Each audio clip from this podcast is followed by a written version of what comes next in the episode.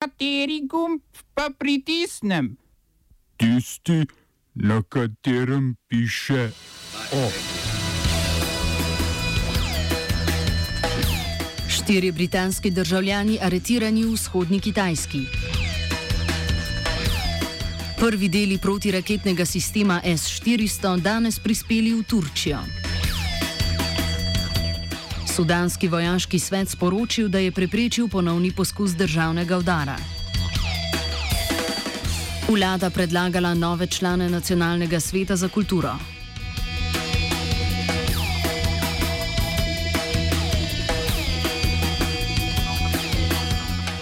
Britansko veleposlaništvo v Pekingu je danes sporočilo, da so kitajske oblasti aretirale štiri britanske državljane v vzhodni Kitajski. Veleposlaništvo ni komentiralo dogodkov, ki so privedli do aretacije v kitajski pokrajini Jiangsu. Policija mesta Shuzhou, ki se nahaja v omenjeni pokrajini, je včeraj sporočila, da je prišlo do aretacij 19 oseb na osnovi obtožnic povezanih z drogami, ter da je med aretiranimi 16 tujih državljanov. V policijski izjavi niso bile navedene identitete aretiranih oseb. Odnosi med Pekingom in Londonom so se v prejšnjih mesecih poslabšali, deloma zaradi britanskih uradnikov, ki so pozvali Kitajsko naj spoštuje dogovor o bivši britanski koloniji Hong Kong, kjer so potekali množični protesti, zaradi česar je mesto utrpelo večjo materialno škodo. Kitajski državni radio je sporočil, da so bili nekateri od pridržanih ljudi učitelji v angleškem izobraževalnem centru, ki ga vodi EF Education First, privatna švicarska ustanova, ki deluje v 114 državah. Alive, well. so fun bringing the dog. Uh, why don't you enlighten me? Dog. You're out of your depth. And you, such Turško obrambno ministrstvo je sporočilo, da so danes v zračno oporišče Murted ob Ankari prispeli prvi deli protiletalskega sistema S-400.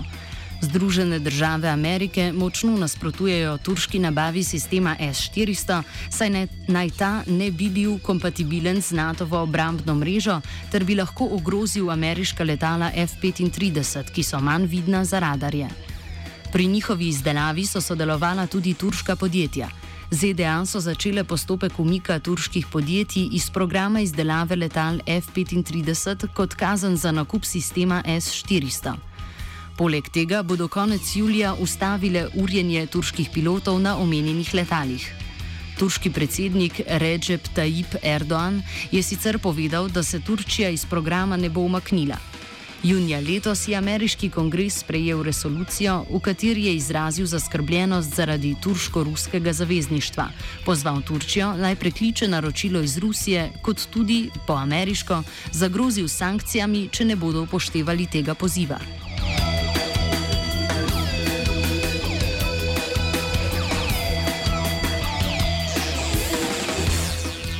Sudanski vojaški svet je včeraj sporočil, da je preprečil še en poskus državnega udara. Dodali so tudi, da so ob tem aretirali 12 vojaških častnikov ter 4 vojake. Novico o spodletelem državnem puču so objavili le nekaj dni potem, ko so vojska in civilni protestniki prišli do dogovora o tranzicijski vladi, v kateri bodo predstavniki civilnega in vojaškega sveta. S tem so prišli do dogovora, ki naj bi končal politično krizo, ki je nastopila po aprilski odstavitvi dolgoletnega državnega voditelja Omarja Al-Bashirja.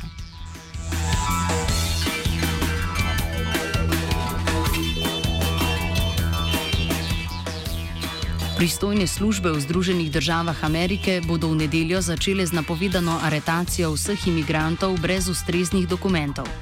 Služba za zaščito carin in meja, krajše ICE, tega še ni potrdila, vendar je ameriški predsednik Donald Trump kljub temu napovedal, da bo začel deportacijo milijona ilegalnih imigrantov iz ZDA. Predstavnik mejne službe je v pisni izjavi sporočil, da sta aretacija ilegalnih migrantov in deportacija tistih, ki so grožnja za notranjo varnost, prioriteta ICE.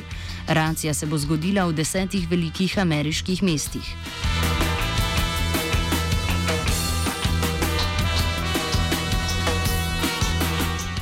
Danes je zaprisegel novi litovski predsednik Gitano Nosjeda. Desno-sredinski politik se je zavezal k zmanjševanju neenakosti v državi. 55-letni noseda, po poklicu ekonomist, je proevropsko naravnan novinec v politiki in neodvisni kandidat, ki je večino karijere delal v bančništvu. Čeprav pozicija litovskega predsednika ne dopušča neposrednega vpliva na ekonomsko politiko, je Novseda dejal, da se bo zauzemal za dogovore, ki bodo bolje ustrezali večjemu številu političnih strank ter zmanjšali razliko med bogatim in revnim prebivalstvom v Litvi, kot tudi regionalne razlike v državi. Omenil je, da je dohodek 20 odstotkov najbogatejših prebivalcev sedemkrat višji kot dohodek 20 odstotkov najrevnejših, ter da se bo zauzel za vzpostavitev pravičnejšega ravnovesja in zmanjševanje razlik v času svojega predsedniškega mandata. Povedal je tudi, da meni, da mora država nameniti več finančnih sredstev področju socialne politike, zdravstva, izobraževanja in kulture. Na področju zunanje politike se bo novi predsednik zauzemal za močnejše euroatlantsko povezovanje in krepitev obrambne politike.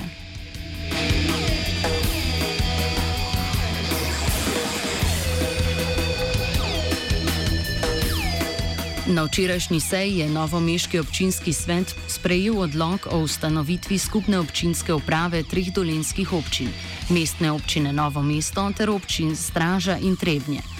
Med zadevami, ki jih bodo občine sodeč potem prenesle na skupno upravo, bodo med drugim tudi naloge inšpektorata in redarstva. S tem si mestne občine obetajo možnost višjega državnega sofinanciranja. Poleg tega je občinski svet med drugim potrdil tudi spremembe na področju zaračunavanja komunalnega prispevka. Ta bo za povprečno družino narasel za 5,15 evra. Več nam pove mestni svetnik Uroš Lubej. Občinski svet je kljub našemu nasprotovanju pač sprejel nova povišanja cen storitev za občanke in občane, se pravi cene komunalnih storitev, vode, odvoza smeti in tako naprej, eh, grobarin. Um, povišanja, po mojem mnenju, bodo pač dodatno prizadela tiste najbolj šipkejše občanke in občani, ki so že itak obremenjeni ne, s temi položnicami. Tudi uh, s tem anuliramo pravzaprav odpravo tistih uh, pozitivnih, mislim, tistih ukrepov uh, negativnih, ne, z ZUIF-om, pa dvig minimalne plače, skratka, zdaj s temi povišenimi, vse tisto, kar smo si nekako izborili v zadnjem obdobju, se s temi povišanji pravzaprav anulira. No, in to je po mojem mnenju pač napačno, no, zato smo bili tudi proti temu. Temu povišanju oziroma dvigu, cen teh osnovnih storitev v mestni občini Novo mesto. OF je pripravila vajenka Anja.